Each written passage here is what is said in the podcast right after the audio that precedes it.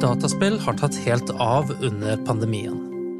For Petter Reistad ble gamingen en viktig sosial arena da Norge gikk i lockdown. Hva skjedde? Vi gir deg historiene bak nyhetene, fortalt av de som var der. Jeg er Rune Christoffersen.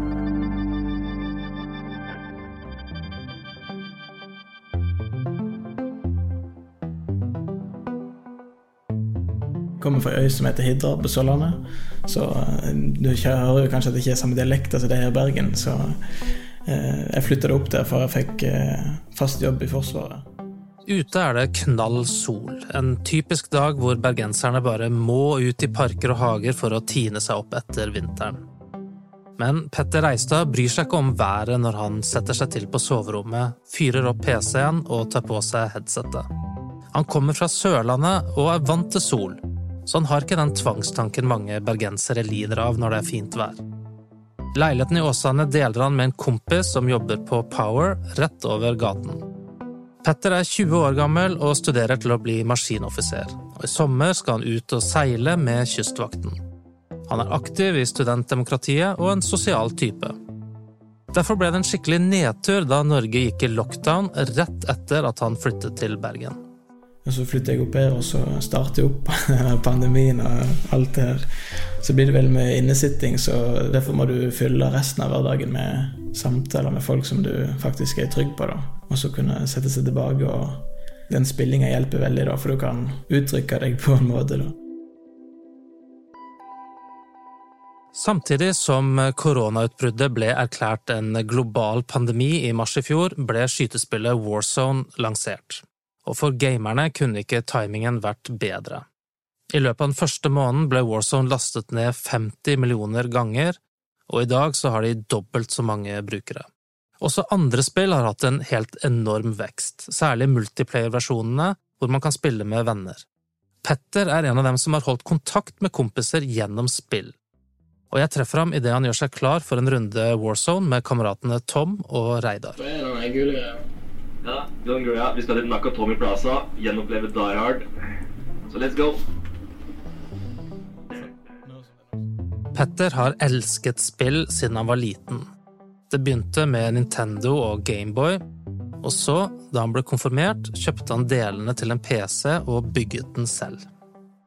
Og jeg som var fra ei lita øy da på Sørlandet, så var det mye sånn at eh, organiserte sport eller noe sånt. Det var alltid litt sånn ulite utvalg. Altså, hvis du ikke likte fotball Jeg likte jo fotball, så jeg var heldig med det, da. Men eh, det var liksom det eneste tilbudet vi hadde.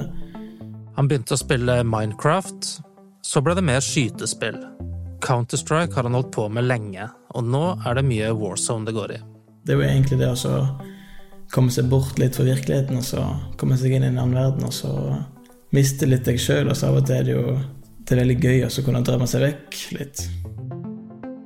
Petter er ikke den eneste som har drømt seg bort under pandemien. Han har merket at det kommer flere og flere spillere. Det samme forteller forskningen.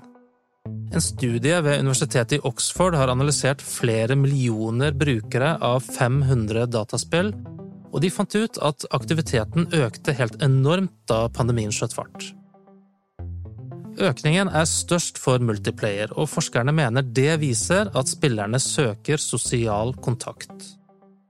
De fant også ut at spillingen har jevnet seg mer ut i løpet av uken, trolig fordi folk kombinerer spill med jobb og skole, i stedet for bare å spille i helgene.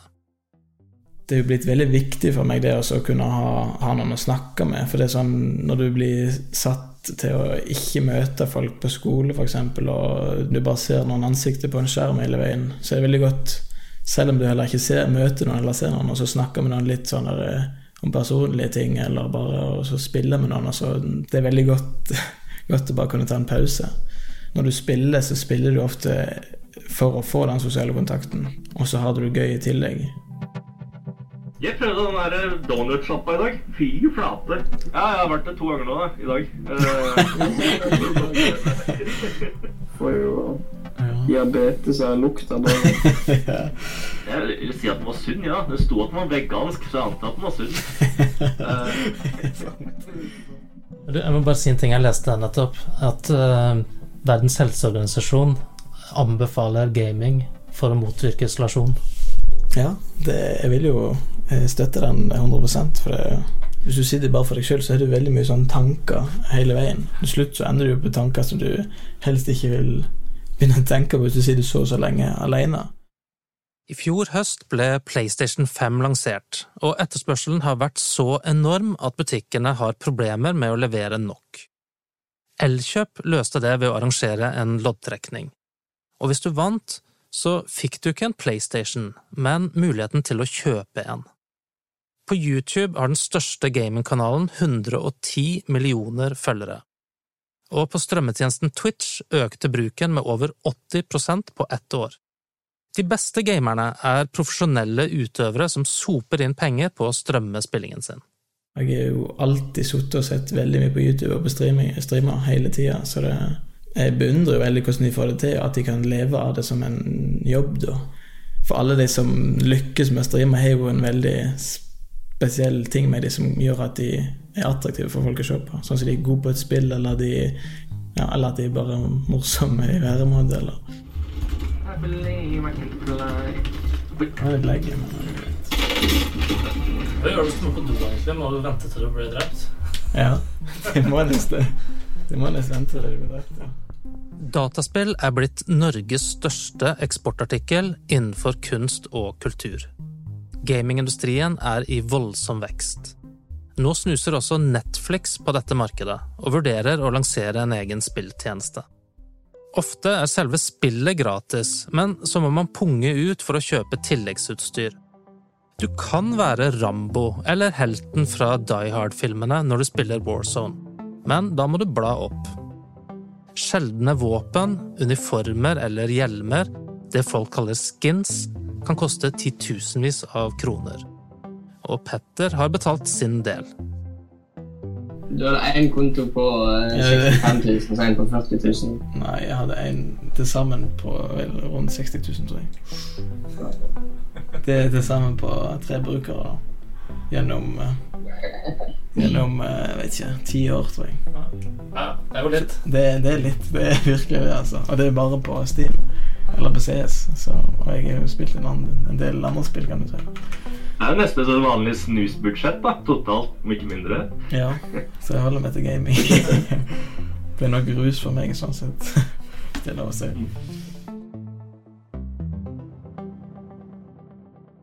Jeg ringte André Syvertsen, som er psykolog og stipendiat ved Universitetet i Bergen, og har jobbet med spill. Han sier at flere studier viser at gaming kan være viktig for å tilfredsstille grunnleggende behov som sosial kontakt og tilhørighet. Det er veldig få, under 1% som rapporterer at de spiller så mye at de får problemer i hverdagen. Så for de fleste har det vært positivt at de spiller mer under pandemien, sier Syvertsen.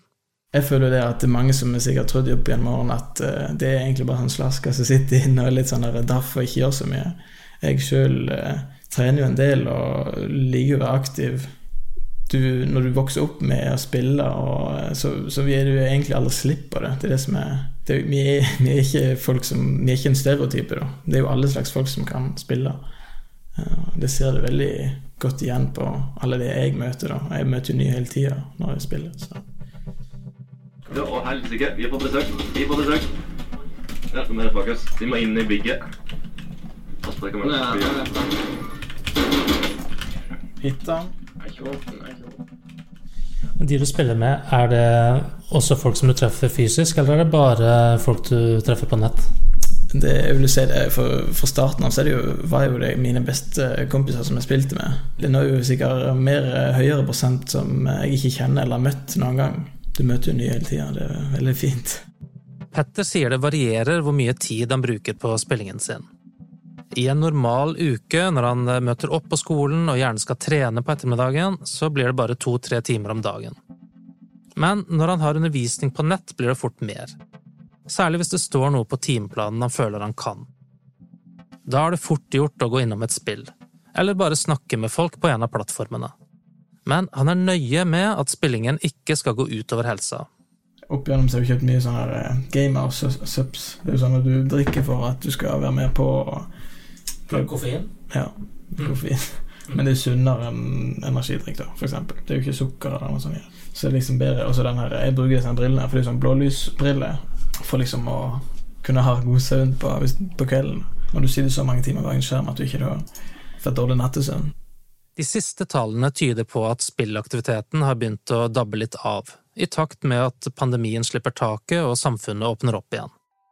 Nå ser Petter fram til å være sosial analogt. Jeg tror de fleste som gamer, er veldig flinke til å kunne eh, ta seg fri og game når de har lyst. Og jeg sjøl kjenner jo det at det blir godt å komme ut og sosialisere seg sånn ordentlig. og se smilene på ordentlig, ikke bare høre de i headsetet. For det, det, hjelper mye på den der eh, energien du har på en dag, da. Og så se andre sine ansikter og så møte de. For du, du, trenger litt nærhet i løpet av en dag, og det hjelper ikke alltid bare å snakke med folk.